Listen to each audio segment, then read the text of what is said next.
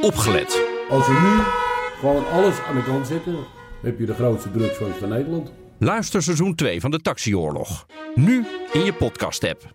Het ziet ons een beetje zwart voor de ogen. Ja, hoe komt dat? Maar dat komt door de zwartgelakte documenten die we allemaal te zien kregen.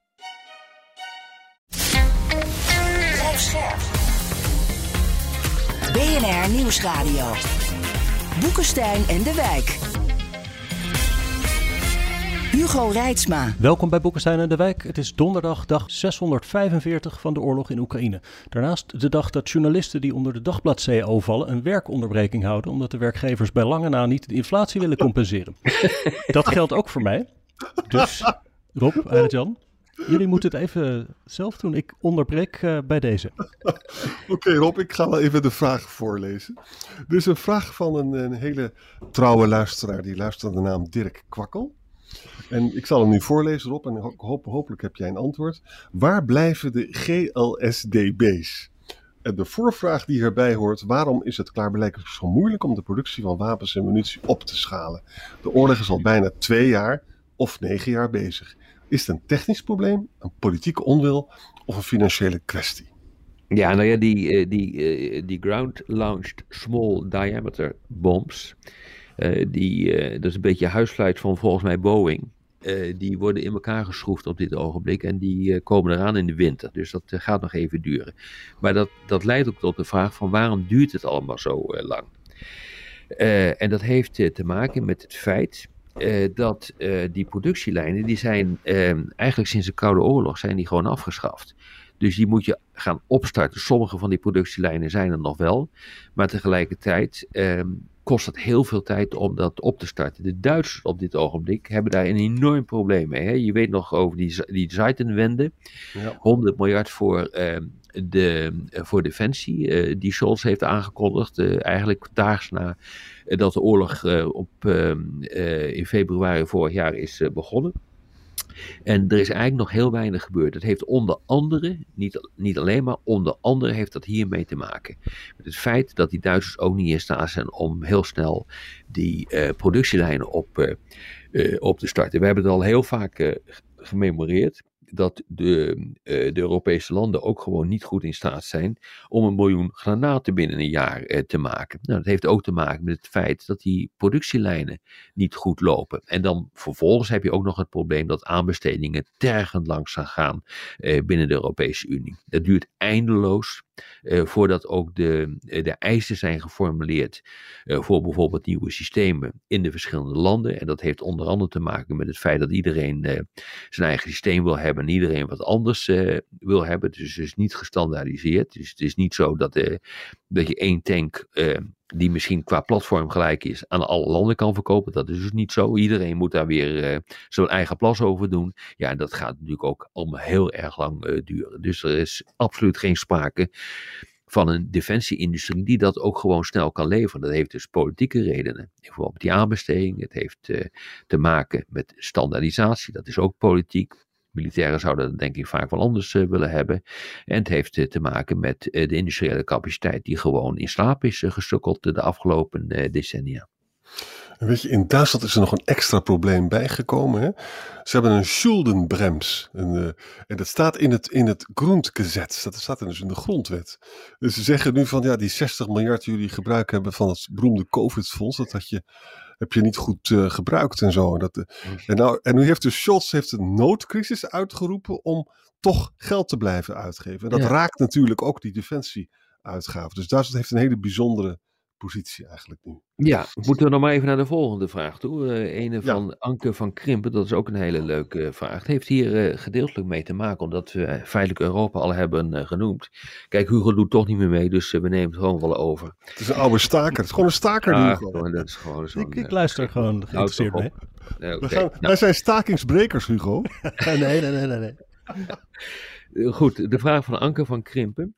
Waarom lukt het niet Nederland, inclusief veel journalisten, te doen begrijpen wat er op het spel staat in Oekraïne. Geen uitleg over oorlogsmoeheid, et cetera, graag, maar over de essentie.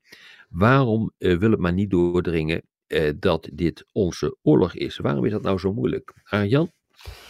Nou kijk, ehm, om te beginnen, dus dat is een hele goede vraag van Anke van Krimp. Ja. Dat heeft inderdaad, eh oorlogsmoeheid heeft er nog niet eens zo vreselijk veel mee te maken. Het heeft heel erg te maken in de eerste plaats dat journalisten, net als bij politici, meer geïnteresseerd zijn in binnenlandse politiek dan in buitenlandse politiek. Daar begint het dus al mee. Hè? En de tweede verklaring is dat als er nou heel veel mensen in Nederland zijn die dus nu 37 zetels hebben bezorgd aan eh, Wilders. Dat is echt een ongelooflijk groot getal. Hè? Dat is gewoon 23,7% van het electoraat. Hè? Nou, veel van die mensen vinden Europa is gewoon onzinnig. eh, en Oekraïne moet zijn eigen boontjes maar doppen. Dat zie je dan dus ook eh, gereflecteerd in, in, de, in de wat rechtstere pers. Dat ze daar gewoon niet zo mee bezig zijn met de Oekraïne. Dat is volgens mij ook een deel van de uitleg. Nou, het derde is dat er altijd een pacifistische onderstroom is. Dat als je op een verjaardagsfeestje bent en je zegt dat je voor wapens bent, dan heb je al heel veel uit te leggen op die avond. Hè?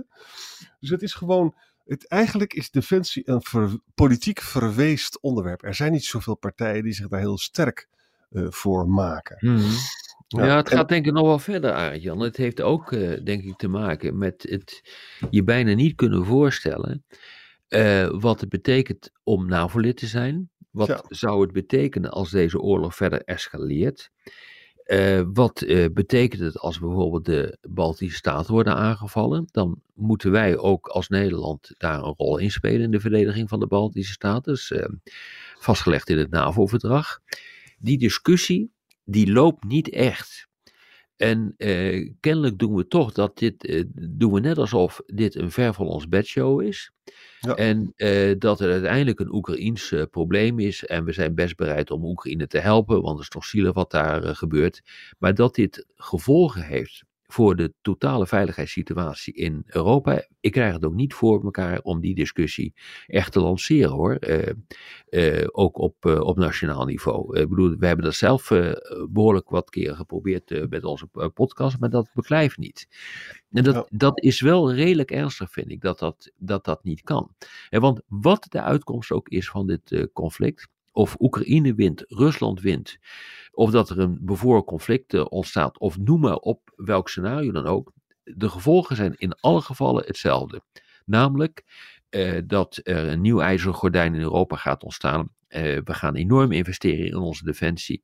En we krijgen een hele nieuwe eh, krijgsmachtstructuur in Europa. En waarbij bijvoorbeeld, ik noem wat, als eh, er eh, wordt eh, geconstateerd dat we te weinig troepen hebben, misschien wel vormen van de dienstplicht eh, terug gaan komen. Dat zou me niet verbazen. Die discussies lopen echt achter de schermen al. En weet je wat er ook speelt? Van, ehm, Nederland heeft natuurlijk een hele lange neutralistische traditie. Hè? Dat past heel erg bij ons. En we, dachten ook dat we daarmee de, aan de, het gevaar van Hitler konden ontsnappen. Nou, dat bleek dus allemaal niet te werken. Hè? Ik denk dat er ook gewoon nog mensen zijn die denken van, nou ja, Poetin is allemaal wel vervelend, maar hij zal nu wel vermoeid zijn door die oorlog in de Oekraïne. En hij gaat wel niet verder. Dat denken mensen. Ja. En, dan, en dan denken ze dat we daarmee wegkomen. Terwijl ja, je zult toch echt iets over moeten hebben voor afschrikking. Wil je echt eh, Poetin kunnen indammen? Kijk, ik bedoel, die, eh die Reisma doet toch niet meer mee. Er- we hebben nog een vraag van eh, Jaap Krullenbol. Dat is een eh, interessante vraag, want het heeft hiermee te maken. Je noemt het, eh, het eh, woord afschrikking, eh Arend Jan. Ik hoor steeds minder over de dreiging van atoomwapens door Poetin. Is die dreiging achter de schermen nog gaande? Nou, die is er natuurlijk, maar die is eh, eh, behoorlijk gekild door de Amerikanen. Die hebben gezegd van als je atoomwapens gaat eh, gebruiken, dan zwaait er wat. Dat hebben ze redelijk nauwkeurig uitgetekend wat er dan zwaait. Wat dat precies is, dat weten we niet. Maar ga er maar vanuit dat dat redelijk, redelijk ernstig is. wat, ze hebben, wat ze dan in petto hebben. Maar een, ander, een andere verklaring hiervoor is natuurlijk dat er sprake is van een padstelling. Je ziet dus dat eh, Oekraïne langzaam ook van eh, de talkshowtafels aan het eh, verdwijnen is. En dat heeft gewoon te maken met het feit dat de, boel eh, muurvast zit. Het heeft ook natuurlijk te maken met het feit dat die verschrikkelijke oorlog in Israël eh, heeft, eh, aan het plaatsvinden is. Maar, maar wat je feitelijk moet constateren, is dat die discussie wordt niet meer gevoerd. Die kernwapens spelen op de achtergrond een, eh, een hele grote eh, rol. Eh, de aandacht is verlegd.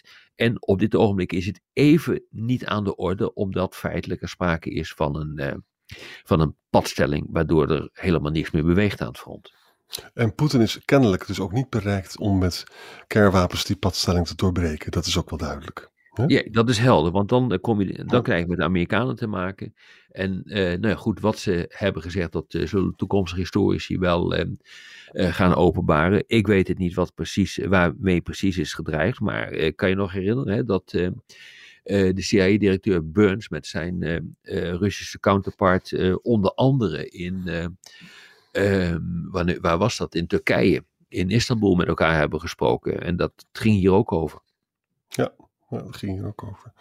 Nou, dat is nog een vraag van Betsy. Een hele leuke vraag, ook een beetje een droef, droevig stemmende vraag.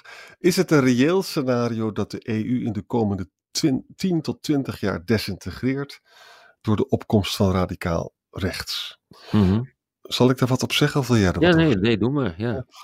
Nou kijk, weet je, niks is uitgesloten. Uh, er zijn wel een aantal verzachtende omstandigheden. We hebben gezien dat Meloni komt natuurlijk uit een hele radicale partij, maar die is dus eigenlijk heel betrekkelijk mild aan het opereren. Ze heeft dus, Draghi heeft tegen Meloni gezegd van luister, ik zal je steunen, maar dan moet je doorgaan met uh, de EU en met dat COVID-fonds en zo. Ook met immigratie hebben we gezien dat Meloni dus nu met Albanië afspraken maakt en ook arbeidsmigratie mogelijk maakt. Dus dat valt allemaal mee. Maar wat niet meevalt is natuurlijk dat Orbán blijft wie die is. Fico in Slowakije blijft wie die is. ADF is aan het groeien, jongens. Ik heb de cijfers opgezocht. Ruim uh, 20 procent. Dat is echt, echt de tweede partij van Duitsland. Hè.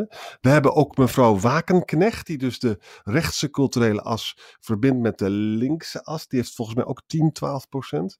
In de, Bel in de Belgen, dan doen dus meneer Grieken van het Vlaams Belang doet goede zaken. Uh, Marine Le Pen is natuurlijk ook bezig om Macron straks te verslaan. Maar Marine Le Pen heeft dus dat idee van de Frexit losgelaten, jongens. En ook van het verlaten van de euro. Want dat deed ze toen en toen won Macron. En toen zei het nichtje van Marine, uh, Marion Maréchal Le Pen. Dat moet je nooit meer doen, want dan gaan alle pensioenen eraan. Dus met andere woorden, eigenlijk is Wilders veel radicaler dan Ja. eh, Meloni. En ik was gisteren erg geschrokken, jongens, dat hij dan zomaar naar dat eh, Kijkduin Hotel toe ging. Dat leek mij olie op de golven wat hij daar deed. En dan, dan het idee dat Wilders Milders is, dat is wat mij betreft eh, niet helemaal duidelijk. Nou, dat zal eerst nog bewezen moeten worden. Iemand kan zichzelf, denk ik, niet op deze manier compleet uitvinden. Maar we zullen zien wat daarvan van terecht komt. Maar goed, ik ben heel erg benieuwd of eh, Nederland zich in dat rijtje gaat eh, scharen van eh, destijds Polen. Hè, dat gaat nu veranderen.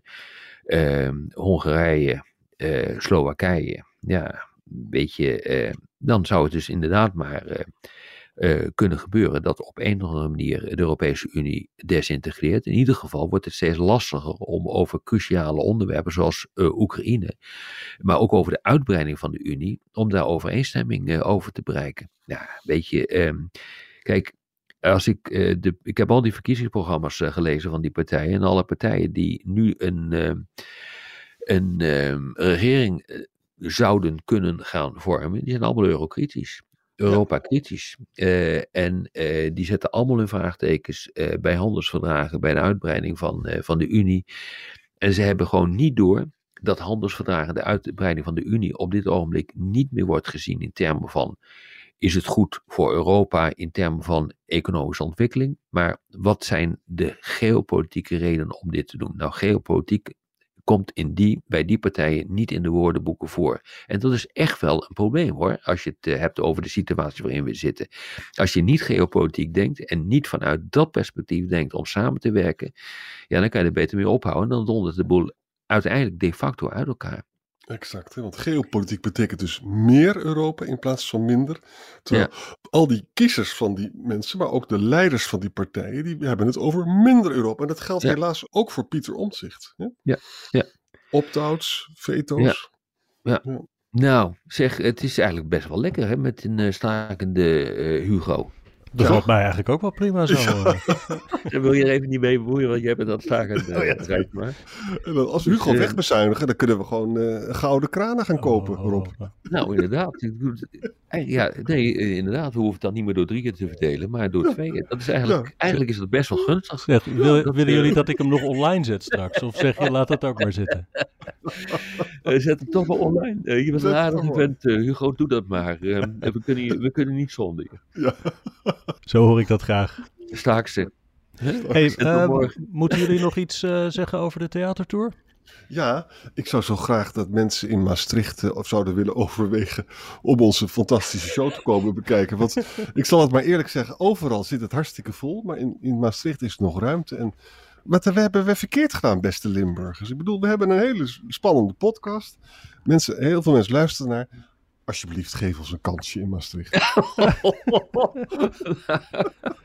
18 december, maandag zijn we in Maastricht. En volgens mij zijn er ook de week eerder, hebben we Rotterdam en Eindhoven. Ja. Zijn ook nog wat kaarten. De rest is helemaal of zo goed als uitverkocht. Ja, Dus mensen kunnen nog naar jullie show, waar als ik geen werkonderbreking heb, ook bij zal zijn.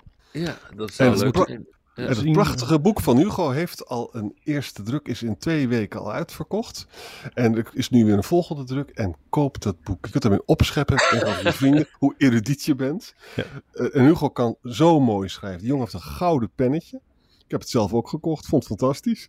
En ik heb de inkomsten hard nodig. Precies. ja. Help Hugo de winter door. Ja. Oké, eh, dank jullie wel. Goed gedaan. Ehm, En straks, eh, ja, en tot morgen. tot morgen. Morgen.